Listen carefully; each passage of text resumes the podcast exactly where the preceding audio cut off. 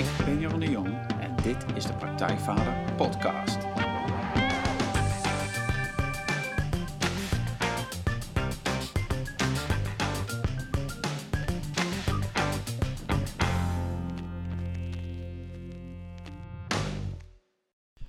Welkom bij een nieuwe aflevering van de Praktijkvader Podcast. Jeroen hier en goed dat je luistert. Zoals elke aflevering interview ik een inspirerende gast die jou verder gaat helpen bij de volgende stap in je vaderschap. Ik vraag schrijvers, coaches, wetenschappers, kunstenaars naar hun vak, hun ervaringen, hun tips en trucs over hoe je met meer ontspanning en plezier de vader kunt zijn die je je kinderen en jezelf gunt. En vandaag is schrijver, wereldreiziger, mannenwerker van het eerste uur, Tom van de Kroon te gast. Welkom, Tom. Dankjewel, Jeroen. Ja, ja elke opzomming van jouw activiteiten, dat zou je tekort doen. Maar ik ga toch even een poging wagen. Want uh, de meeste mannen zullen Ton kennen van, van zijn boek, de bestseller De Terugkeer van de Koning. Het boek over mannen, liefde, lust en leiderschap. Dat alweer in 1996 verscheen, ja. meer dan 20 jaar geleden. Ja. En, in, uh, en dat inspireerde duizenden mannen om te gaan kijken naar wat voor man ze willen zijn en hoe ze die meer kunnen worden. Inmiddels is het boek in zes talen vertaald, waaronder Hebreeuws en Arabisch. En in diezelfde tijd als dat boek uitkwam, startte Ton, geïnspireerd door het werk van zijn mentor Robert Bly, met workshops en trainingen voor mannen. En daarmee legde hij de basis voor heel veel mannengroepen, festivals en trainingen die er nu in Nederland zijn. En daar horen de praktijkvadertrainingen ook zeker bij. Die, zijn, uh, die hadden niet plaats kunnen vinden zonder het werk wat jij hebt neergezet in het begin. Um, maar je doet veel meer. Uh, Ton organiseert reizen in Afrika, Azië en Europa waar hij met deelnemers op zoek gaat naar de oude spirituele tradities van de wereld. En daar schrijft hij prachtige boeken en reisblogs over, waarin hij ja, schijnbaar moeiteloos verbanden legt tussen de oude tradities, onze tijd en wat we van elkaar kunnen leren. Nou, Ton schreef dus meer dan tien boeken over relaties, seksualiteit, Maria Magdalena, de Graal en zijn reizen. En Ton is vader van een volwassen dochter, uh, Raya. Nou, we zouden een hele serie interviews kunnen opnemen over al die onderwerpen. Um, maar er is ook een directe aanleiding dat we nu dit interview doen. Want uh, Tons motto, en dat staat ook heel mooi op zijn website, is uh, Heal yourself, heal the world. En er is veel aan de hand in de wereld op dit moment. Uh, Ton komt net terug van een aantal reizen, waaronder Israël en de Palestijnse gebieden. Um, en als aanloop naar Internationale Mannendag in november um, is hij een platform Heart of Men gestart waarin hij het makkelijk voor mannen wil maken om aan te sluiten bij een mannengroep, mannencirkel en het echte gesprek over mannelijk leiderschap en wat we allemaal te doen hebben als man in deze tijd aan te gaan. Want Ton heeft ook zeker een activistische kant, een, een pittige kant. Het stormt in de wereld en wat kunnen wij, vooral wij mannen, daaraan doen? Nou, en we gaan ook nog, Ton en ik, we gaan in de, deze podcast een oproep doen. En die gaat over zondag 17 november. Schrijf die vast op. Wat dat wordt, dat gaan we nog vertellen. Maar het wordt een belangrijke dag. Maar daar komen we dus op terug. Ja, Ton. Ik zei net welkom in de podcast. Maar het is eigenlijk ook welkom terug. Want uh, hier in de podcast. Want um, in het prille begin van de praktijk van de podcast, in aflevering 3, uh, was je ook de gast. Je was een van de eerste gasten. Toen vertelde je over je boek, De Terugkeer van de Koning, Mannenwerk en Vaderschap. En we zaten toen in het huis van je moeder in Zutphen. Ja. Dat was grappig met een klok die af en toe tikte. Ja. En, en om het even in de tijd te plaatsen, de, de aanslag uh, in Parijs op het muziek podium de Bataclan was toen net gebeurd. Oh, ja. We hebben het ook over gehad in dat gesprek. Ja. Um, we zijn nu vier jaar verder. We zitten bij jou thuis in Amsterdam nu. Um, ja, om gelijk maar gewoon te beginnen. Wat is er volgens jou in die tussentijd veranderd in de wereld? Wat, wat, wat zijn er dingen veranderd? Hoe zie jij dat? Nou, we zitten eigenlijk in een verhaal wat al heel lang gaande is, maar het wordt steeds duidelijker. Ja. Het, het, en steeds pregnanter. Het is, het is net alsof we in een, in, een, in een soort serie zitten. En we zitten nu naar de, de, de Game of Thrones, zal ik maar zeggen. Ja. En we zitten in het laatste seizoen. Zo voelt het bijna. Hè? Dat je denkt, jezus, het wordt steeds spannender. En nu, nu gaat dat gebeuren en dat. Maar dat zijn verhaallijnen die al heel lang lopen. En, en hoe verder je terugkijkt, en ik doe dat graag zeg maar in de geschiedenis, hoe is dit ontstaan? Waar is zo'n verhaallijn begonnen? En dan, nu zitten we eigenlijk in de, de bijna een soort eindfases van het verhaal. En dat iedereen aan de buis gekluisterd zit, hoe gaat dit aflopen? Ja, ja. Ja, of je nou naar Trump kijkt, of naar Boris Johnson, of naar het milieu, of, of naar de uitstervende diersoorten, of wat dan ook. Het wordt gewoon steeds eh, ja, eh, spannender waar we in zitten. Ja, en, en hoe, hoe beweeg jij je daarin dan? Van jij ziet dat, jij merkt dat op, zeg maar. Van, Ja, ik ben natuurlijk een verhalenverteller. Dus ik probeer vooral het verhaal te vertellen en mensen duidelijk te maken. Oh, dit is het grotere verhaal waar we in zitten. Soms zie je maar een stukje van een verhaal. Of je zit zodanig in het verhaal dat je het hele overzicht niet meer ziet. Ja. Maar eigenlijk denk ik dat we in een heel groot verhaal zitten. En dat grote verhaal moet verteld worden. Ja. En vaak zitten we te veel vast in ons eigen kleine verhaal. En probeer je daarin te schakelen en te overleven. En, Ja. en, en dat is ook goed. Maar ik denk dat de rol van de verhalenvertellers Ja. is om het grote verhaal van deze tijd te vertellen. Ja. En wat is de kern van het grote verhaal? Wat, wat, wat is dat grote verhaal? Nou, dat we in een soort eindtijd zitten. Eh, dat is geen leuke boodschap, maar als je heel nuchter kijkt, en ik, ik, ik heb dat zelf al sinds de jaren 60, rapport van Rome, toen ik dat voor het eerst las. Ik weet niet wanneer kwam dat uit, 60, 70 of zo. Ja. Toen wist ik al van, oh, dit gaat dus niet goed.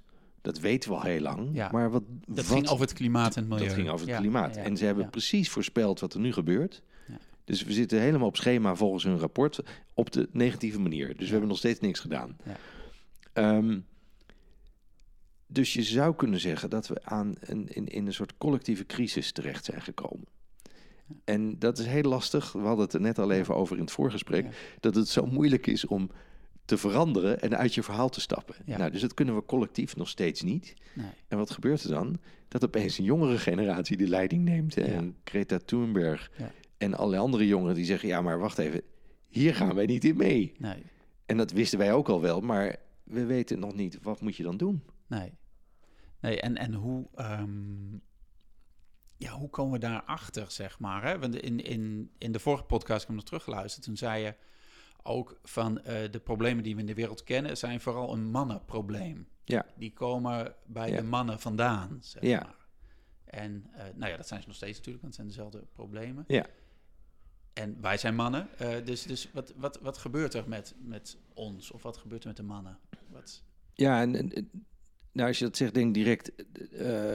zonder de schuld te willen leggen Ja. bij de man... want dan krijg je een soort zelfbeklag of... oh, we doen het zo slecht, of de Ja. mannen zijn de boosdoeners. Ja, daar zit ik ook niet op te wachten. Maar het is wel handig om zelfkritiek te hebben. Te kijken, waar staan wij nou als mannen? En mijn ervaring is, is als je dat kan doen... als je naar je eigen blinde vlek kan kijken... en je eigen pijnpunten onder ogen ziet... Ja. dan pas begint het spel leuk te worden. Ja. En dan komt er een andere mannelijke kracht die niet zegt: Oh, ik ben zielig of, of, of ik, ik, ik, eh, wij willen geen verandering. Mm. Maar dan krijg je een soort van: Oké, wat gaan we doen? Ja. Gaan we, wat, wat voor actie kunnen we voeren? En dan komt er een soort mannelijke energie die open staat voor wat er gaande is. En daar een soort gezonde mannelijke kracht in, in meebrengt. Ja. In plaats van dat we in een eh, apathische houding en een verdedigende houding terechtkomen. En dat zie je op dit moment heel veel gebeuren. Ehm, dat heel veel mannen in een soort verdediging hè, zich verdedigen tegen de kritiek, tegen de jongeren, tegen de vrouwen. En zeggen: nee, ja, met ons is niks mis. Ja. Ja, come on. ja. Get over it. Ja. Natuurlijk is er van alles mis en dat geeft helemaal niks. Zolang je het maar kan zien en, en, en, en, en er ook om kan lachen. Ja, En zeggen, oké, nou blijkbaar moeten we het anders doen. ja.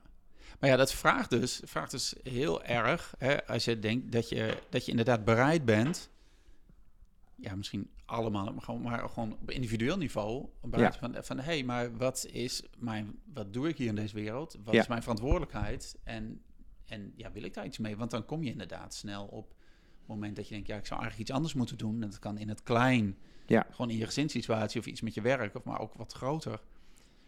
Dan moet je iets anders gaan doen. Ja. En dat is, daar hadden we het ook even over net. Dat is wel een, dat is wel een ding om Ja. echt, echt te veranderen. Terwijl het misschien eigenlijk nog een beetje comfortabel is waar je, Ja, waar je wel zit. en, en, en laten we wel wezen, wij leven ook in de meest comfortabele samenleving Ja, van de wereld. Hè? Ik bedoel, we hebben het, eh, wij zitten, ik, ik zeg altijd, wij leven op het bovenste dek van de Titanic.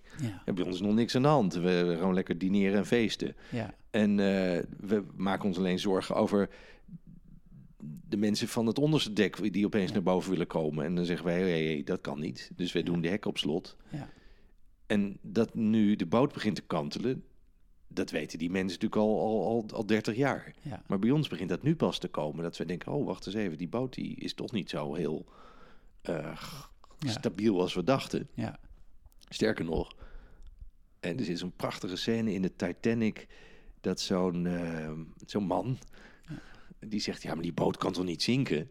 Nou ja. En dan zegt de ingenieur, yes, she can sink and she will sink. Eh, dat is mathematisch al vastgesteld. Als er zoveel water binnen is, Ja, dan gaat de boot zinken. ja, En eigenlijk kan je dat nu zeggen van onze samenleving. Er is al zoveel water naar binnen gelopen. ja, Die boot gaat zinken. ja, Dat is natuurlijk niet iets wat een fijne boodschap is. nee. Maar ik begin steeds meer te beseffen dat de grootste sprong in verlichting Hm. komt door crisis. Ah. Waardoor verander je? Ja. Doordat het moeilijk is. Ja. Anders blijf je in je comfortzone zitten. Ja. Dus wij moeten blijkbaar als mensheid zo'n enorme uitdaging krijgen... dat we daardoor een soort grote sprong in evolutie gaan maken. Ja. Anders komen we er niet. Nou, moeten we heel erg denken van aan, aan, aan toen ik zelf met mannenwerk begon. Toen was naar aanleiding van jouw boek, Terugkeer van de Koning. Eh Wendy, mijn vrouw, die was zwanger van, van Tijn. Dus het- ik was 28. En ik kwam er voor het eerst in een mannengroep. Bij, eh, dat is een mooie, mooie groep bij, eh, bij Wil van der Koer in, in Nijmegen.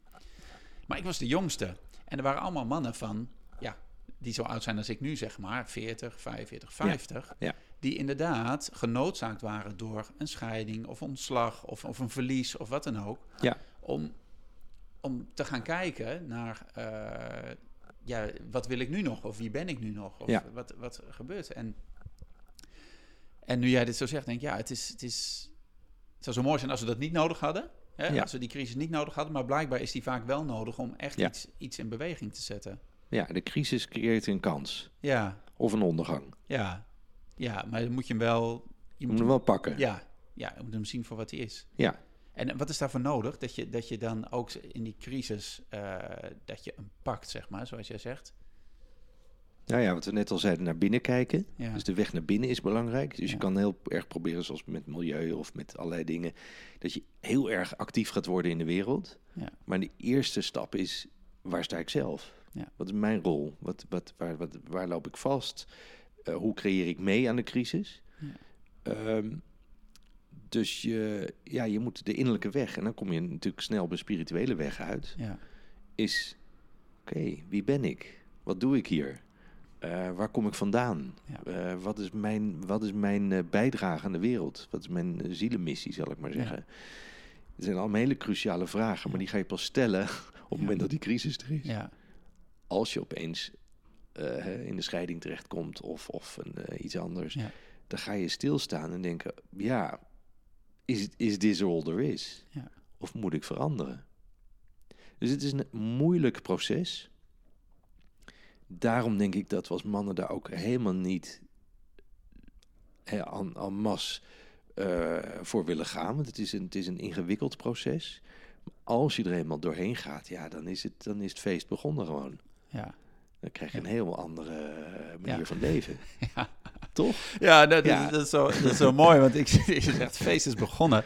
En het, het leuke is van, wat ik, ik doe ooit bij jou zo'n zo'n mannenworkshop gedaan in de Ardennen en heb, ik- heb meegewerkt eraan. Maar het grappige is, daar zit, zit een bepaalde soort, soort eh, zwaarte ook in. Het is Ja. van, van iemand, je komt met een wens of na zo'n workshop, je wil iets leren, je wil een inzicht, eh, Ja. het gaat iets niet goed.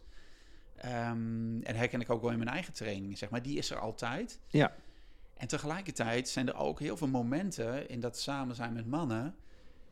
dat godzijdank die humor Ja. komt, zeg maar. Ja. Of dat er, dat er een grap gemaakt wordt en niet een grapje, de- niet flauw, maar gewoon echt. Dat de humor erin komt Ja. en dat je zo'n moment hebt wat, dat je eigenlijk naar jezelf kunt kijken en denken, oh ja. Ja. Ja, oh, dat doe ik ook echt stom. Of dat doe ik niet handig. Oh, dit is eigenlijk, eigenlijk is het ook een bepaald is het ook wel komisch. Oh. Ja. oh, en hij heeft dat ook, zeg Ja, maar. ja. En, En, eh, we hebben het allemaal. ja, ja, precies. En dat die er dan in komt. En, Ja. Maar dat is levensvreugde. ja. Dat is levenskracht, zeg maar. Ja. Dat onder ogen zien dat heel veel dingen misgaan, dat je allemaal fouten maakt, dat we allemaal Ja. mislukken op de een of andere manier. Ja. En dat dat erbij hoort. En dat dat niet erg is, want zodra je met mannen daarover kan praten, zeggen, oh, heb jij dat ook? Ja. Dan ja, ontstaat er ook een soort, eh, ja, het is niet het goed praten of zo, maar een soort inzicht in het leven dat het niet altijd goed Ja. hoort te gaan. Ja. Eh, ja, lastig. Zoals, met als vaderschap, we hebben het wel eens eerder Ja, over gehad, ja. denk ik. Ja, als vader faal je per definitie, is, eh, heb ik bedacht. Ja. En alles wat je dan goed doet, is meegenomen. Ja, nou, dat is een hele geruststellende gedachte om er Ja. zo naar te kijken. Ja, Ja, ja. er- er- zijn altijd dingen waarvan je kinderen je later verwijten. Nou, ja, lekker, eh, weet je wel. Ja. Maar dat, dat kan ook niet anders. Nee. Heb jij iets, als je dit zo zegt, van, van hè, jouw dochter Raya is inmiddels volwassen, zeg maar. Heeft hij wel iets tegen jou gezegd? Zegt, nou pap, of Ton, ik weet niet hoe ze noemt, maar van, eh, dat, dat was echt, ja, daar komt Ja, oh ja. Ja? Ik, ik had ooit een, een, een relatie eh, met een jongere vrouw. Dat ging helemaal mis. En, ehm, maar ik was super verliefd. Maar ik durfde er niks meer over te vertellen, want ik voelde me zo gegeneerd. Ik dacht, oh ja, midlife crisis. Eh, ik ga met een eh, mooie jonge vrouw. En, Ja. En hoe oud was je dochter toen? en die was toen, even kijken, ze denk zo 19 of zo. En toen gingen we samen op reis. En toen zei ze, pap, je moet me meer vertellen. Want Oké. ik, je houdt me overal buiten. En toen zei ik ook, ja, ik zeg, sorry lieverd, ik schaam me gewoon voor mijn eigen verhaal. Ik, dit, dit, dit, Ja. dit is zo schaamtevol, pijnlijk. Ik, ik, ik weet gewoon niet meer waar ik sta. Ehm, en ik vind het het moeilijkste om dat aan jou te vertellen. Aan iedereen kan ik dat vertellen, behalve aan jou. Ja. Want dan breekt mijn beeld van, van vaderschap af.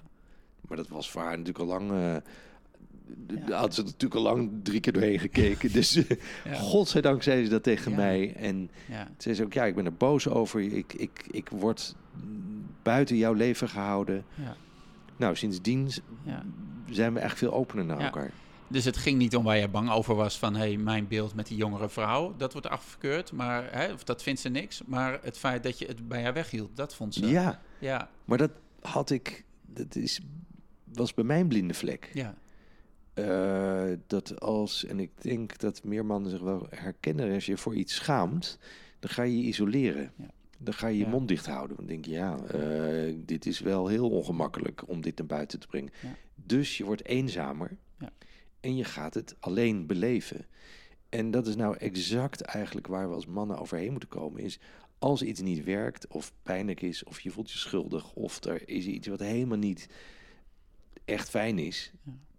Deel het. Mhm. Breng het in verbinding. Ja. En dan kun je er naar kijken. En dan kun je het erover hebben. En dan kun je zeggen, ja, dit was mijn fout. Of, of ja. zo en zo zit het. Ja. Of, maar dan komt er beweging. Nou ja, dan wordt het inderdaad, dan ken dat ook wel, die schaamte, die je wilt van jezelf niet eens weten dat je Nee. dat, je, dat je dat hebt of zo, hè, of Ja. iets waar je voor schaamt. En Ja. op het moment dat ik dat opengooi, ja, dan is het er. Dan is het er ook echt. Ja. Maar het, het kan niet anders, En inderdaad. schaamte is een hele lastige emotie. Is een- Ja. En ik denk dat heel veel mannen daar last van hebben. Ja. Is dat je ergens over schaamt. Over je man zijn. Over je seksualiteit. Over ge- geldschulden. Ja, noem het maar op. Ja. Eh, en dat je daar niet over kan praten. Dus dat je het, de woorden niet hebt, maar ook het, de, de, de, de, de mensen, het, het klankbord niet hebt. Om te zeggen, dit is waar ik ten diepste mee worstel. Ja. En dat maakt je heel nou ja, geïsoleerd en beperkt. Ja. En pas als je dat kan gaan zeggen, en daar zijn mannengroepen zo fijn, Ja. dat als de een met de billen bloot gaat, zal ik maar zeggen, dan zegt de ander, nou, ik heb ook nog wel een verhaal. Ik heb dit, weet je. En de volgende zegt, nou, ik, eh, ik heb dit nog nooit verteld, maar ik zit hier mee. Ja, Ah, weet je. En dan, dan vallen de schellen je van de ogen, want dan denk je ook, ben ik godzijdank niet de enige die hier ja, aanklooit. ja, ja, precies. Ja, dat is zo grappig. Ik merkte altijd dan, ehm, dan als we, ik geef met, met Wendy, mijn vrouw, geven ook relatietrainingen. En dat is ook zo'n ding. Dan, dan heb je een groep, een groep stellen bij elkaar. En nou ja, dat ken je natuurlijk ook. Maar dan, als de een dan een keer iets zegt van, eh, oh ja, zo gaat het bij ons. Of zo, Ja. weet ik veel. Ja. Of we vrijen al, weet ik veel hoe lang niet, zeg Ja. maar. Of het is iets veel kleiners dan dat. Maar in ieder geval, Ja. en dan zie je op een gegeven moment in die groep zo'n soort, soort, soort opluchting. Knikken. Alsof de, ja, wie zijn nou pas een vriend van mij zei, alsof het ventiel soort, soort, soort open wordt gedraaid. Zo'n opluchting. Ja. Ja, oké. Zo. Hè, we zijn Dat is eruit. mensen. Ja, die, Ja. En de, oh, godzijdank is dan iemand gelukkig die dat als Ja. eerste doet. Heerlijk. Ja, Ja. dus dat is heel fijn. Maar, maar dat is inderdaad nodig. Dat is echt heel erg. Anders raak je een soort, word je een soort wandelende tijdbom eigenlijk. Hè? Of je implodeert Ja. eh, en je wordt heel stil. Ja. Of je explodeert en je gaat het op anderen afgeven. Want dat is dan natuurlijk wat je zelf niet verwerkt. Ja. Dat, dat projecteer je op een ander. Ja. Op de buurman of op eh, de vluchtelingen of op de islamieten of op de bankiers. Of de, hoe neem het, weet je? je Ja. Iemand krijgt de schuld Ja. van jouw eigen ongenoegen. En is het dan ook, hè, je legt hem zo, is het dan ook wat er nu aan de hand is in de wereld, zeg maar? Hè? De onvrede die er is. Je zegt, nou, we leven in Nederland, hè? het is comfortabel, bovenste dek van de Titanic, zeg je. Maar tegelijkertijd is er ook heel veel onvrede. Ja. En in de maatschappij, maar als een, bij mij ook wel, zeg maar. maar en die leggen we dan weer ja. niet hoeven voelen, leg maar bij iemand anders. Bij iemand anders. Ja. En ieder heeft zijn eigen favoriete zondebok, zal ik maar zeggen. Hè? Bij, voor de, wat ik al zei, voor de ene is dat islam, voor de andere is dat uh, die bedenken complottheorieën van uh, er zijn mensen achter de schermen die alles in de hand hebben. Nou, dat is eigenlijk precies hetzelfde. Dan leg je het ergens buiten je neer. Ja. Want dan hoef jij de verantwoordelijkheid niet meer te dragen. Dus ergens parkeer je dat weg. En ik, ik was dit weekend naar de film Joker. Joker. Ehm, eh, met Joaquin Phoenix. En uh, dan zie je waar dat toe leidt. Dus iemand die totaal getormenteerd is. Die een waanzinnig slechte jeugd heeft gehad. In de steek gelaten door zijn moeder en zijn vader. En die probeert er nog iets van zijn leven te maken door een clown te zijn. En die ontspoort volledig. En waar gaat het naartoe? Totaal geweld.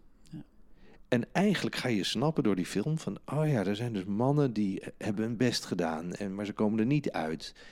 Raken steeds verder in die isolement en grijpen naar grof geweld. En dat is volgens mij iets wat je in Amerika al ziet gebeuren, omdat ze daar wapens hebben. Dat gebeurt wekelijks. Ja. Eh, maar dat gaat hier ook gebeuren. Omdat je geen netwerk hebt van mannen, waardoor zo'n man die dreigt te ontsporen kan zeggen: joh, ik, ik zie het eigenlijk helemaal niet meer zitten als je dat kan opvangen met elkaar, ja. is er niks aan de hand. Gaat dat ook, want dan gaat over twee, nu je dat zo zegt, moet ik denken, gaat over twee, het gaat over de weg van, van degene die die schaamte heeft of hoe dat hij dat uit. Maar het is ook iets van, van om, als je dat ziet bij iemand anders, dat je ook de verbinding legt. Ja. Dus van, hé, hey, wat is er met jou aan de hand? Ja. Want die, die, die is ook nodig dan. Ja, dat klopt. Ja. Ja, en dat is eigenlijk de oproep die we hebben voor mannen. Van, ja mannen, kom bij elkaar. Ja. Blijf niet in het isolement zitten of, of in je eigen bubbel, maar ga met elkaar in gesprek. En dat is eigenlijk onze verantwoordelijkheid als mannen collectief, om dat met mannen onderling aan te gaan. En ik denk dat vrouwen dat al jaren van ons vragen. Hè? Dus van mannen, waar zijn jullie eigenlijk? Uh, kijk naar de hele MeToo-discussies en zo. En ik was, ik was deze zomer in, in Spanje. En daar blijkt gewoon uh, maandelijks zijn daar zes groepsverkrachtingen door jongens. Dan heb je als mannen iets te doen. Ja. Dan moet je als mannen bij elkaar gaan zitten en zeggen: wat gaan we hier aan doen? Dat kun je niet verwachten van de vrouwen dat die bij je aankloppen en zeggen: hé hey, mannen, uh, er is hier een klein probleem. Ja. Dus mannen hebben een verantwoordelijkheid om met elkaar te kijken naar hoe gaan wij als mannen om met ja. problemen. Ja, nou dat maakt nog gelijk concreet hoor. Want, want die, die oproep, hè, zei van, van ja. Um, ja, vertel maar. Want, want jij, jij deed een oproep en ik dacht, nou, het is een goed idee. En ja, iets nou, mee het is 19 november is Internationale Mannendag. Ja. Je hebt de Internationale Vrouwendag, 8 maart. Maar er is ook blijkbaar een Internationale Mannendag. En we weten nooit zo goed wat we daarmee moeten. Ja, ja wat moeten we dan? Ja, jezus, uh, ja. zijn er dan problemen? Vragen, vraagt iedereen zich af. Of, of ja. wat, wat, gaan we doen? Gaan we met z'n allen naar het voetbal of, of een biertje drinken? Ook heel erg leuk. Maar ik dacht, nou, het lijkt me eigenlijk fijn om op twee dagen daarvoor, zondagmiddag, 17 november... gewoon overal mannengroepen bij elkaar te brengen thuis te gaan zitten, praatstok erbij. En gewoon eens te vertellen, waar, waar zit je? Wat is er aan de hand? Wat leeft er in je? Wat uh, heb je op je hart? En dat simpele feit van gewoon te delen, dat is het. Meer hoeft niet. Je hoeft elkaar niet te therapeutiseren. Je hoeft de problemen niet op te lossen. Je hoeft niet het wiel uit te vinden. Je hoeft ook niet de wereld op te lossen. Het is gewoon, dit is waar ik zit. Ja. En dat is de magie die wij natuurlijk van een mannenwerk al zo goed kennen. En wat de oude stammen al wisten. Je gaat rond het vuur zitten en je gaat vertellen. Ja. Dit is mijn verhaal. That's it. Meer niet. Nee. Dus zo simpel is het eigenlijk. Zo simpel is het. Ja. En jij bent op dat moment in België? Ja. Met een, een weekend? Ja. Dus dan ben je al met mannen aan het... Wij uh... zitten daar met een groep mannen. Ja. ja. Ja, en eigenlijk, hè, jouw oproep is eigenlijk aan iedereen die, die luistert of die, die dit, uh, die dit een mooi, mooi idee vindt van kom bij elkaar. Doe mee. Ja. En nou hebben we een heel handig iets. Een, een, een vriend van mij, Jelle Dulster uit België, en die is IT'er. En die heeft afgelopen jaar een app gemaakt. En op die app kun je zien waar al die mannengroepen zitten. Dus als je nou geen mannengroep weet, dan ga je kijken op die app en dan zie je, oh, in Nijmegen is Ja. een mannengroep. Ja. En als je nou denkt, ach, ik wil er zelf een creëren, dan kun je op die app dat ook aangeven. En dan zeg je in Emmeloord start ik een mannengroep. Wie zin heeft, komt, doet mee. Ja, en, en hoe, waar kunnen mensen die vinden? Hoe heet die? eh? Dat is heartofman.net. Oké. Nou, heel simpel. www.heartofman.net. Ja. En dat is, heel, het is een heel simpele app. Ja. Je ziet een kaartje met waar alle mannengroepen zijn. Ja. Precies. Nou, en dan kun je inderdaad, inderdaad je eigen, eigen groep eh, ook op starten. Je kunt, eh, je kunt inderdaad groepen vinden. Zo mooi grafisch, gewoon een kaartje. Ja. En, ehm, en voor degene die nu luistert, zeg maar op 17 november, ehm, ochtend, middag. Ehm, ik organiseer, er zelf eentje in Nijmegen. Dus gaan we met een, een hoop mannen bij elkaar. En dan gaan we in kleinere groepen uiteen. Dat is het idee. Dat Ja. zal ik ook op de website aankondigen. Eh, ook van de praktijkvaders, daar kun je hem vinden.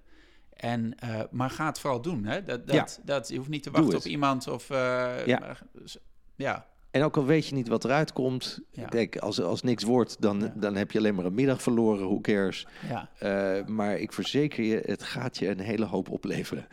En, en hopelijk heb je in je groep dan één zo'n man die inderdaad met iets heel persoonlijks komt, wat het ijs breekt. Ja. Ehm, maar er zit een magie gewoon in het samenkomen van mannen. En wat, wat is die magie voor jou? Van, als je dat zou omschrijven, wat gebeurt er? Want ja, mensen hebben misschien wel een idee bij. Of, maar wat, Ja, de magie is dat je het over het leven zelf gaat hebben. Van, eh, normaal hebben we het over allerlei andere dingen. Eh, maar eigenlijk gaat het over... Ja, wa- wat, wat is het leven? Wat hebben we nou eigenlijk te doen? En wat, waar, waar zitten we in? En doordat je met mannen bij elkaar bent... krijg je allerlei andere puzzelstukjes... waardoor de, Ja. het grotere plaatje duidelijk wordt. Want dan hoor je iemand anders verhaal... en denk je, oh, dat heb ik ook. Of, hé, hey, dit is interessant. Dat heb ik nooit zo gezien. En doordat, door die synergie die er ontstaat, krijg je antwoorden voor jezelf. Dus je, ja, je vindt pas het antwoord in verbinding met anderen. Ja. En dat gaat natuurlijk ook over het hele thema mannelijkheid. Wie zijn we als mannen? Dat leer je pas in verbinding met andere mannen. Dan denk je, hé, hey, die is eh, veel wilder of die is veel eh, zachter of veel vrouwelijker of veel mannelijker. Maar al die verschillende aspecten van mannelijkheid, die geven je eigenlijk een spiegel voor wie jij dan bent als man. Oh, ik ben zo'n soort man. Oké, nou, dat is interessant. Ja, maar dat is ook natuurlijk het, het verleidelijke wat, waar het er toch afgelopen jaren, eh, of decennia misschien al gewoon over gaat, over de man of zo. Hè? Dus, eh, eh, want er is, er zou iets als de man of de echte man, dat is ook zo'n, wat is dan De echte man. de echte man? Ja, als iemand dan, die vraag heb jij vast ook wel eens gekregen, van komen er echte mannen op jouw workshop? Of maak jij echte mannen van mannen die in jouw workshops komen? Ja, dat is een illusie. Ja, Het is een totaal fake beeld. Ehm, want iedere man is een echte man. Gewoon zo, zo simpel is Ja. het.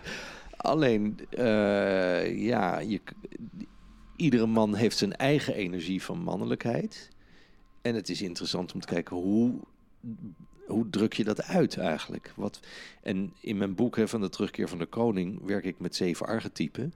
En dat maakt al eigenlijk een onderscheid. Dat, dat zet even een ander model er neer van in plaats van de echte man. Ja. Zeg je nou, je hebt een koning en je hebt een krijger en je hebt een magier en je hebt een minnaar. En, en de een is meer een wilde man en de ander is meer een heilige.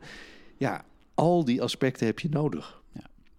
En dat is volgens mij heel cruciaal dat je uit het zwart-wit denken stapt, waar mannen natuurlijk ook sterk in zijn, en in de, in de diversiteit. En dat zorgt ook voor een acceptatie van jezelf, omdat je dan opeens snapt van, oh, ik ben een, eigenlijk een heel gevoelige man. Of iemand die zegt, nou, ik ben eigenlijk een hele botte man. Kan ook. Ja. Ja, eh, Jelle Dulser die zegt, ik hou ontzettend van dure auto's. Ja. Ja, ook leuk. ja. Ja. Ja, mooi. Ja, dus, dus ook niet, dat we ook niet daarin weer, weer vanuit de.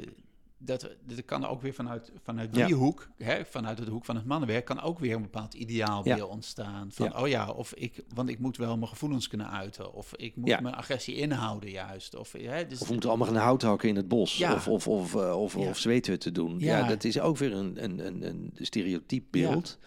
Dus dan ruil je het oude beeld in voor een nieuw stereotype. Ja. Ja, daar ben ik ook eh, helemaal niet voor. Het- Nee, want het is een heel palet Ja. aan diversiteit. Ja.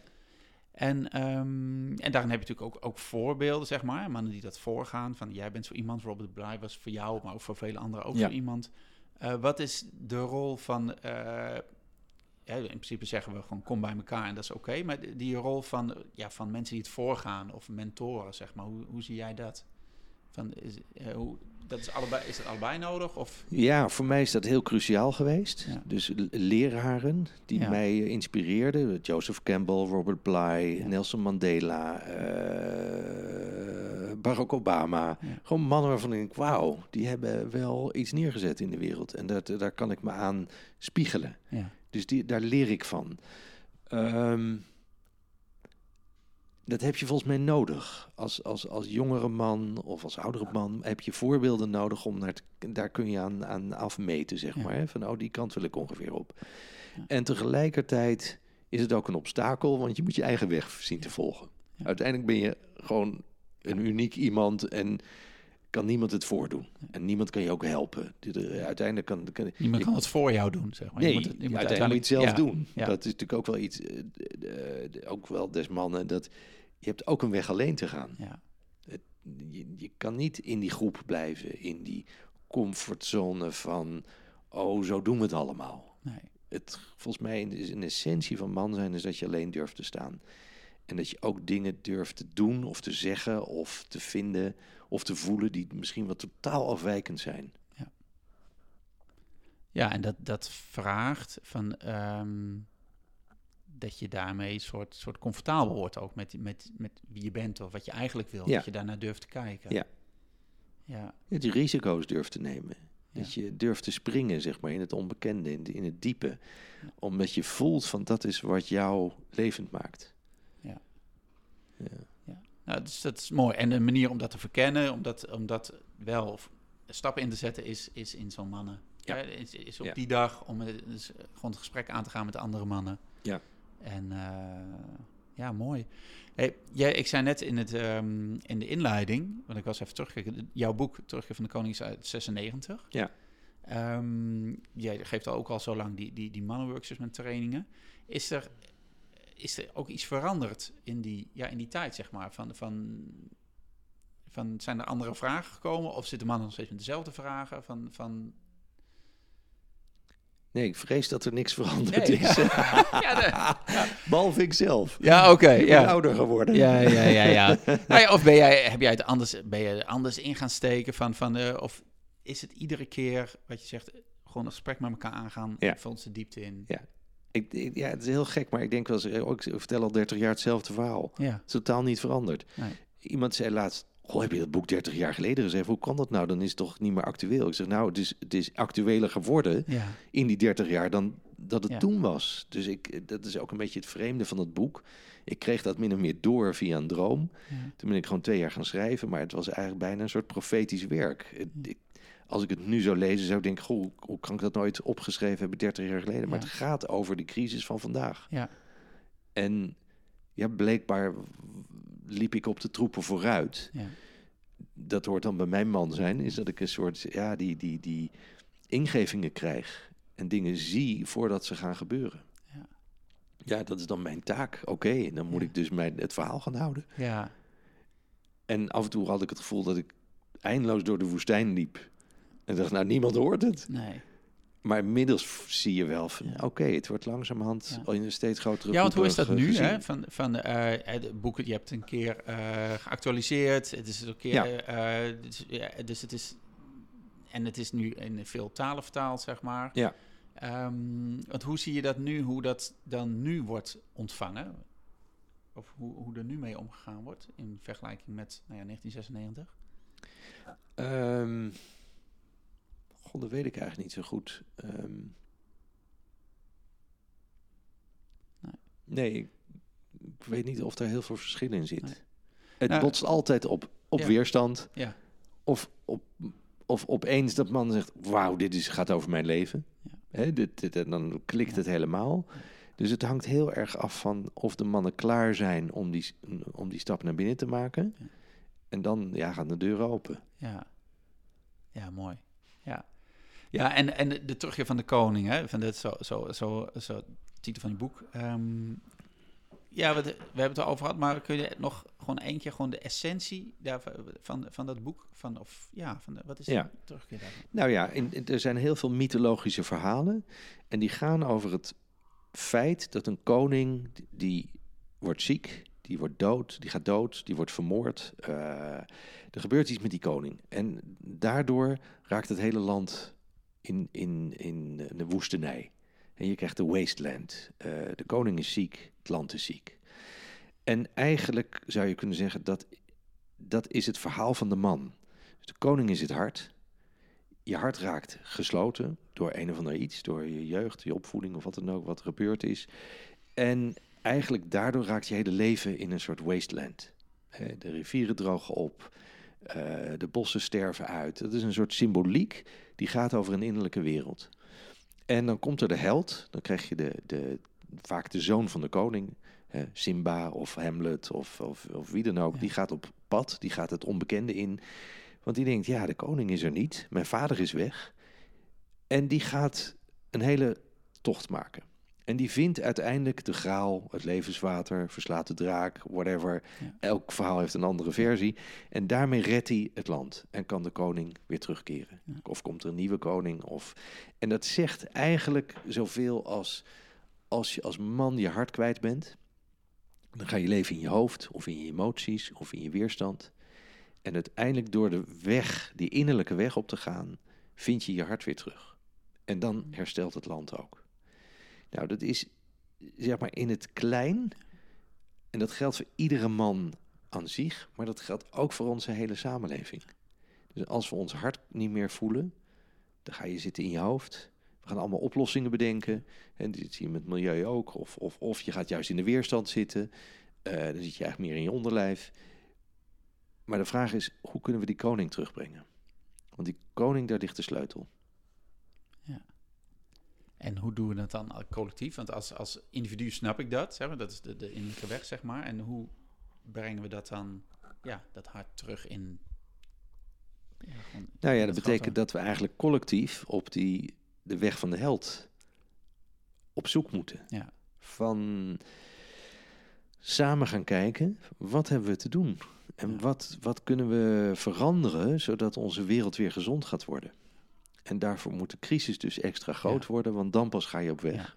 Ja, ja dus de, de crisis is ook een, een aanleiding om Ja. het innerlijke pad op te gaan en ook actie te ondernemen. Ja, want als de nood hoog is, dan, Ja. dan komen we wel. En ik vond het mooi wat jij, dat voorbeeld wat jij net gaf van in Spanje, van, van die groepsverkrachtingen, van dat, dat zou je als mannen, zou je dat moeten aankaarten. hey, van wat gebeurt hier? Wat gebeurt hier dat jonge mannen, of dat, dat wij mannen, of hè, dat, dit, dat dit op bepaalde manier gewoon wordt gevonden. Of. Ja. Ehm, en ehm, dus dat, zo zou je ook ehm, gewoon in het klein, in zo'n, als je in zo'n mannengroep zit als cirkel, zeg van, ja, we zitten hier voor onszelf, maar we zitten hier ook voor iets wat groter is dan wij eigenlijk. En wat, wat is dat nu? Wat, Ja. is, wat is het thema wat ons raakt hier in deze kleine kring, zeg maar? Ja. Ik, ik heb ooit geleerd van een, een, een Duitse mannenwerker, Richard Rohr. Die zei, je hebt twee, twee wegen. De weg naar binnen toe. Ga je naar jezelf kijken, je eigen, hè, een, een beetje het navelstaren, maar op een positieve manier. Gewoon, hoe zit ik in elkaar? Wat, wat, wat schort eraan? De tweede weg is de weg naar buiten toe.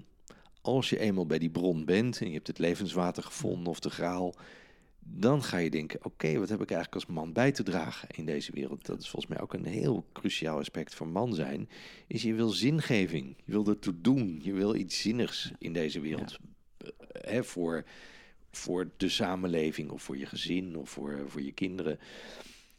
En dat is zo cruciaal, maar dan moet je wel weten wat je te doen hebt. Ja. Nou, in Indiaanse culturen waar ik ooit ben geweest, ging je op Vision Quest. Ja. Nee, je ging de natuur in een week lang en je, je kreeg eh, drugs of, of, of geen eten of weet ik veel wat. En dan kreeg je wel een visioen. Ja. En opeens werd duidelijk, dit is mijn taak. Dit is wat ik te doen heb. Ehm, en op het moment dat je dat weet, begint de weg van de krijger. Dus de krijger, de spirituele krijger, die gaat zeggen: Oké, ik, ik heb mijn visie. Ja. Dit is mijn werk. En dat ga ik neerzetten in de wereld. Dus die, dat hebben we ook collectief te doen. Dus ik, ik zou voor mannen eigenlijk heel erg eh, wensen en, en ook willen vragen van mannen, ga eerst kijken naar jezelf. Van wat is er bij jou aan de orde? Wat is jouw visioen? Wat is jouw werk? En begin dan samen te komen en te zeggen, oké, hoe gaan we dit manifesteren? Ja, dat is mooi, want dan komt hij ook dan komt hij uit jezelf, zeg maar. Zegt ook Ja. wel eens van, weet je, de wond die je hebt, dat is ook de kracht Ja. waarvanuit je kunt, kunt putten, zeg maar. Ja. Dan wordt het niet van, ja, ik zou, weet ik veel, dat en dat moeten doen, want dat is nou eenmaal het goede nu. Of ik zou, weet, maar dan komt, hij, dan komt het antwoord vanzelf. Ja, ik denk dat daar echt zo'n crux ligt wat jij zegt. Je diepste wond is je grootste kracht. Ja, En dus je moet bij die diepste wond uitkomen en dan weet je wat jouw kracht is. ja, ja. Mooi, mooi. Oh, nou, ik heb, ik heb zin in 17 november. Ja, Ik, heb dit echt, ik ben Ik heel ook. benieuwd wat er allemaal gaat gebeuren. Dus, Ja. dus echt, echt mooi. Ehm, wat, eh, je hebt ook veel, veel geschreven over- over de verhouding tussen het mannelijke en het vrouwelijke natuurlijk. Ehm, en je zegt, ja oké, mannen, eh, kom bij elkaar en ga het zelf uitzoeken en ga niet zitten wachten tot die vrouwen. Maar Ja. we kunnen natuurlijk ook als mannen, of vrouwen van mannen, maar mannen ook van vrouwen veel leren, zeg maar. Ja. Dus wat, wat, hoe zie je, wat, wat kunnen wij van vrouwen of van het vrouwelijke, wat, wat, hoe, wat kunnen wij als mannen daarvan leren? Ehm, nou ja, ik noemde net al een beetje mijn voorbeelden van, van helden hè, Ja. of leraren die, die mij hebben geholpen. Maar mijn persoonlijke coaches zijn meestal vrouwen geweest, oudere vrouwen. Ja. Dus ik ben echt opgeleid in de traditie van de grandmothers. Ja. Ehm, en het waren altijd van die stevige, pittige, oudere dames die overal gehakt van maakten. En alles wat nog in mij eh, schuurde en niet klopte, dat werd nog eens even flink eh, onder de loep genomen op een liefdevolle manier. En daardoor heb ik eigenlijk on- ongelooflijk veel geleerd. Eh, ook in mijn relaties. Dus de, de relaties die ik heb gehad, die gaven me het meeste feedback over waar ik zelf zit, mijn eigen leerproces. Dus vrouwen zijn ongelooflijk belangrijk voor mannen om naar die blinde vlek te kijken. Ja, Want vrouwen voelen dat natuurlijk. Die zien, ja, een mooi verhaal, die van de kroon. ja. Maar eh, hier en hier eh, klopt het helemaal niet. Ja. Ja, en ook daar, zeg maar, als man moet je een zekere flexibiliteit in hebben van... oké, wijs maar op mijn blinde vlek. Als je daar te veel in gaat verdedigen in je relatie... dan gaat je relatie niet zo heel fijn meer worden. Nee. Want dan voelt die vrouw, die denkt, ja, eh, leuk die man... maar eh, ik, ik, we komen niet verder. Ja. Dus het vrouwelijke, Ja. of vrouwen... zijn eigenlijk de, de motor om die weg naar binnen te gaan. En ook om die weg naar buiten te gaan. En dat is misschien wel bijna archetypisch iets, wat je ook in films altijd ziet, is als man strijd je voor de vrouw. Dat is volgens mij een, een, een heel bazaal principe dat het, het vrouwelijke is de muze, is de ziel, is eh, de inspiratiebron. En als man ben je daaraan ondergeschikt. Je bent dienstbaar daaraan. Je bent dienstbaar aan het leven. Ja, en dat vraagt dus ook dat je inderdaad, dat, dat, eh ik moet denken aan, aan koningschap, hè. daar hebben we natuurlijk ook veel over. En, en, maar dat vraagt dus dat je niet per se die, ja, je bent ook leidend als man, maar je bent die dienen, Ja. die, die dienstbaarheid zit erin. Anders Ja. doe je het voor jezelf of voor het ego of weet ik veel, voor, om jezelf er beter van te maken. Ja. Maar die dienstbaarheid, die moet ergens in zitten. En dat is een ingewikkelde, zeg maar. Ik, ik kom net terug uit Israël en daar zie je in het Joodse volk, die hebben altijd als daagje meegekregen, schenk je licht aan de Gojim, eh, zo noemen ze dat. Dus aan mensen die het nog niet snappen, daar ben je dienstbaar aan. Hè? Ja. Je geeft je, je, je, je hoogste kennis, deel je aan het volk. Nou, dat hebben ze 2000 jaar gedaan. Ja. En er zijn zo ontzettend op afgerekend, Ja. tot en met de holocaust toe, dat ze nu denken, ja, hè, dikke vinger, dat gaan we nooit meer doen. Ze zoeken, iedereen zoekt maar uit in de wereld. We bouwen een muur om ons land en niemand gaan wij nog meer vertellen wat ze moeten doen. Dus die zitten zo diep in de pijn, zo diep gekwetst. En toch hebben zij een hele belangrijke taak voor de wereld. Dus om hun leiderschap op te nemen weer, opnieuw, Ja. en dienstbaar te zijn, moeten ze die diepe pijn onder ogen zien. Wat ongelooflijk moeilijk is. Ja. Maar daar zit, daar zit de omslag in. Dus je, dienstbaarheid gaat samen met leiderschap. En als je dat niet doet, krijg je een Boris Johnson of een Trump. Ja. Die leiden vanuit een ego, vanuit een hoofd, vanuit een. eh, die, die lopen hun eigen pik achterna, Ja. bij wijze van spreken. En die leggen dat op aan de rest van de wereld. En je voelt dat dat totaal niet dienstbaar is Nee. aan wie dan ook. Alleen aan hun eigen Ja. ego. Ja. En dan krijg je dat de wereld kapot gaat. Dus het, het vraagt een diepe nederigheid, zeg maar, om leiding te geven. Ja, en ook het, het setje dus te accepteren. Want dat, dat eh, om het eh, terug te brengen naar gewoon naar gewoon de mannen, die, die, gewoon de mannen.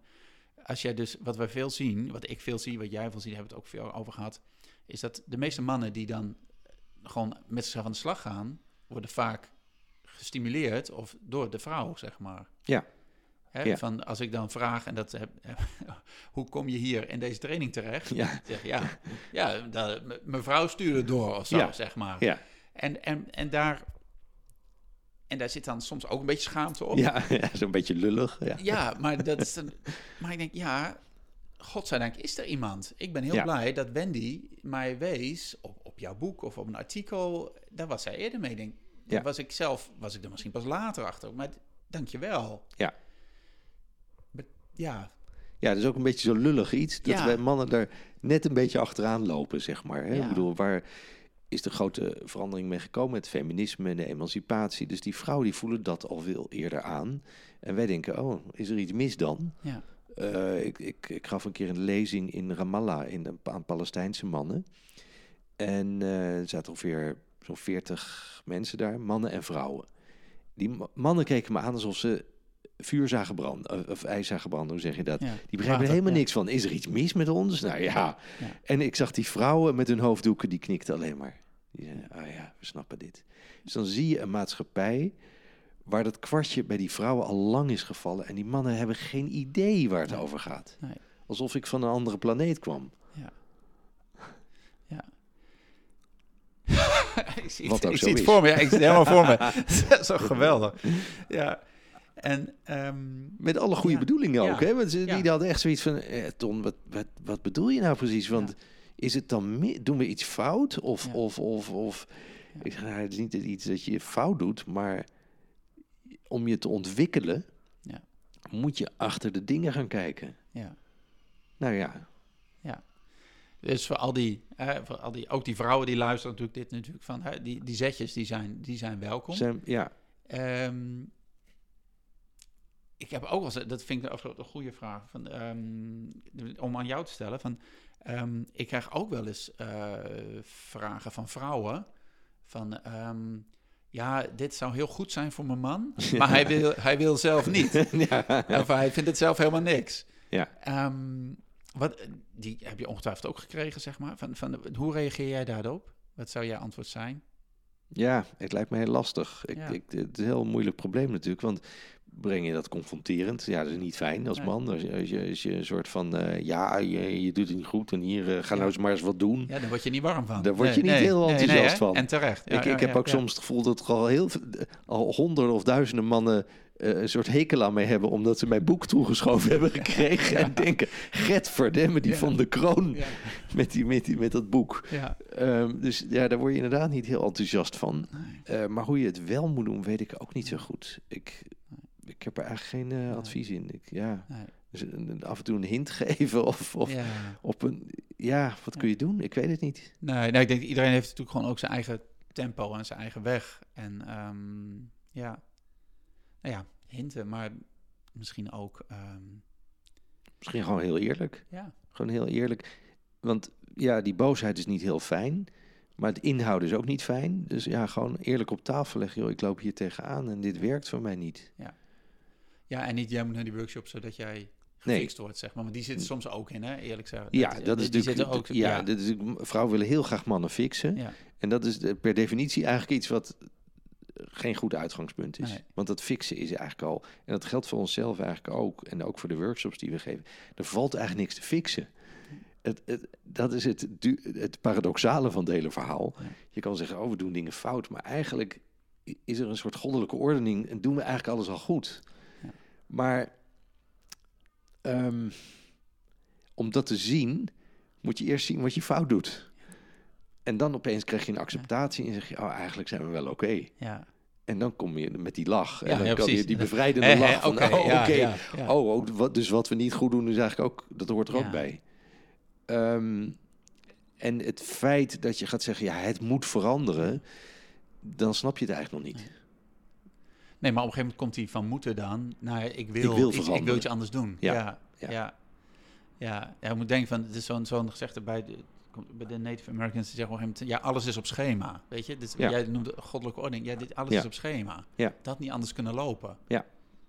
Oké, en dus nu- ook in de hele wereld Ja. zijn we op schema, ook Ja. al snappen we dat niet. Ja, Is er een goddelijk plan en we zitten erin. ja, En blijkbaar hoort deze crisis er helemaal bij. ja. Ja.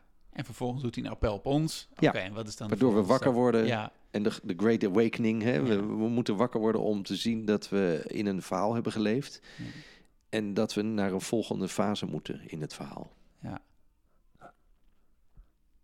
En dan zitten die mannen, en die zitten in het mannenwerk, die, die zijn ermee bezig, veel. En dan, ehm, en dan komen ze terug weer in hun gezin of in hun omgeving. En om nog even dat, dat man-vrouw stuk te- erbij te pakken. Dan zijn vrouwen vaak ook heel nieuwsgierig van wat, wat, wat doe je nou daar, zeg maar. Wat heb je geleerd? En, eh, en wat ik dan in mijn training soms hoor, is dat mannen op het moment dat ze het gaan delen met hun partner, weet alweer kwijt. dan, dan verdwijnt het weer. Ja, absoluut. maar. Dan verdwijnt Ja. het weer. Dus het is ook een soort, soort hoe, ja, hoe doe je dat dan, zeg maar? Want, want over het algemeen zijn vrouwen blij dat die man iets doen. Zijn ook Ja. enthousiast, zijn ook nieuwsgierig. Ja. Oh ja, wat, maar wat doen jullie dan als jullie als mannen bij elkaar zitten? En, maar hoe zorg je nou dat het van jou blijft, zonder dat je het weer weggeeft eigenlijk?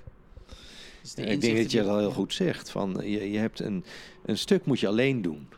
Daar moet je je eigen verantwoordelijkheid voor nemen. is jouw huiswerk, is jouw verhaal. Ja. En je deelt de liefde met iemand. Maar je moet zorgen dat je niet een therapeutische relatie gaat krijgen. Van dat je weet van, oh, ik weet wel wat voor jou goed is. En, en zij weet dan wat voor mij goed is. En eh, je hebt daarin je eigen verantwoordelijkheid te dragen. En ehm, daarmee deel je misschien ook niet alles. Tenzij het dienend is eh, eh, voor, voor de relatie. Maar inderdaad, ik zeg ook meestal, hou het nog even voor jezelf. Ja. Laat het eerst in jezelf uitwerken. En wat er het resultaat van is, dat wordt wel gedeeld. Ja, dat is mooi. Ik moet nu denken, wat het beeld van me te binnen schiet, is dat wij, wij waren in Zweden eh, van de zomer. Ja. Jij was daar, ik was daar en Ja. ik was er met gezin en kinderen. En eh, op het vertelfestival daar. En jij bent, jouw werk, jij een groot deel van mijn leven, maar je had natuurlijk nog nooit mijn vrouw en mijn kinderen gezien. Nee. En, en toen opeens kwam het rond, zeg maar. Want ik zag Wendy met jou praten, ik zag de jongens met jou praten. En ik dacht van, ja, maar dit is hoe het, hoe het rondkomt of zo, op de een of andere manier. Ja. Van, van mijn weg als man, die is begonnen bij jou, zeg maar, eigenlijk bij Wendy en zo. En opeens is het plaatje rond en dan klopt het. En dan hoef ik helemaal Ja. niet uit te leggen van wat we Nee. nou doen. Maar dan zie je Ja. dat het werkt. Ja. En dat was een, eh, Het leven zelf geeft uiteindelijk wel de oplossingen. ja, Ja, ik denk dat je... Ja, dat is misschien ook wel iets van vrouwen die willen natuurlijk graag praten. Mhm. Maar woorden zijn beperkt. Eh, dat gaat niet allemaal via het hoofd, zeg maar, via de woorden. Dus het, het, het moet gewoon ervaren of gevoeld worden. Ja. Het zit op een veel diepere laag. ja. En dan heb Ja. je niet meer zoveel woorden nodig. Nee, maar dat is natuurlijk de andere soort misvatting van ja, als ik dan met mezelf, als man met mezelf, eh, mezelf leer kennen, zeg maar, dan moet ik daar ook heel veel over gaan praten. Hoeft helemaal niet. Nee, Ja. lijkt me ook niet, eh, lijkt me niet verstandig. Nee.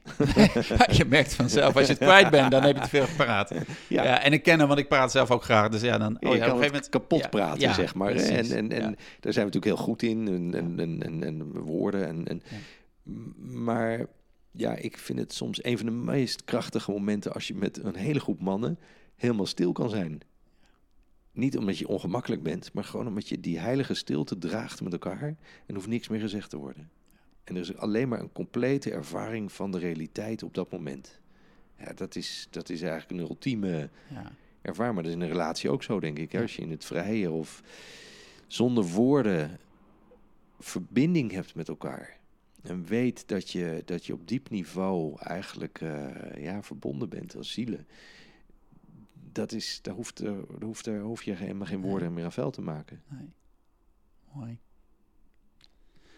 Mooi. Dat is eh, volgens mij een hele natuurlijke manier om dit eh, gesprek te gaan afronden, Ton. Die, die Ja. stilte vind ik mooi. We gaan naar de ja, stilte. dat ontstaat nu ook, nu, nu we hier zo zitten. Denk, ja, Ja, en dan Ja. krijg je, ik, ik had dat gisteren met een vriend, een soort godservaring. Dus en opeens komt er een grotere energie, en noem dat God of de godin of, het, of de spirit, die neemt het over. En dan voel je, wauw, nu krijgen we een heel ander soort realiteit die zich openbaart. En dat is volgens mij waar de, de kern ligt. Als je daar bent, in die andere realiteit zal ik maar zeggen, die komt erbij, dan zijn alle problemen worden opeens totaal onbelangrijk. Dus je hoeft die problemen zelf niet op te lossen. Je hoeft alleen maar dat grotere perspectief te gaan zien van jezelf en van de wereld. En dan opeens is de oplossing al daar. Omdat het probleem niet meer bestaat. dat is een mooie om eh, over te blijven mijmeren, denk ik. Ehm, Ton, ehm, ja, als mensen meer over jou willen weten, waar kunnen ze dan terecht? Eh tonvanderkroon.com. Nou, dat is, dat is helder. Dat Ja. is het. Alles over jouw boeken en jouw reizen, ook die je begeleidt. En nog één keer de, de app, die heet er? Ja, heartofman.net. Ja, heartofman.net. Ja. Oké, ik zal ze ook in de, in de links op de website zetten, maar dan kun je ze nu al vinden. Op die heartofman.net vind je dus alle mannengroepen eh, die, ook, eh, waar, die ook dus op 17 november hopelijk allemaal iets gaan doen. Ja. Ehm, en hou gewoon Facebook in de gaten. Eh, ook de Facebook van Ton. Ja. Dat is van Ton van de Kroon op Facebook. Ik zal er nog iets over posten. Ja, mooi. Ja. En dan, ehm, dus dat. Nou, super. Dankjewel voor het gesprek. Ja, Het was, graag gedaan. Was, was, Wordt waar, leuk. Waar genoeg. Ja, leuk, hè? ja, Ja, ja. weer- Ja, doen, over Heerlijk. vier jaar, over vier jaar doen we het Doen we weer. weer. Ja, oké. Helemaal goed. Hey, als je zit te luisteren, eh, goed, dat je, goed dat je luistert. Goed dat je er eh, was. Ehm, deze aflevering die vind je terug natuurlijk op de website www.praktijkvader.nl slash podcast. Eh, maar je vindt ze ook terug op alle eh, podcast-apps, Spotify, Apple Podcasts, Stitcher of welke andere je ook gebruikt.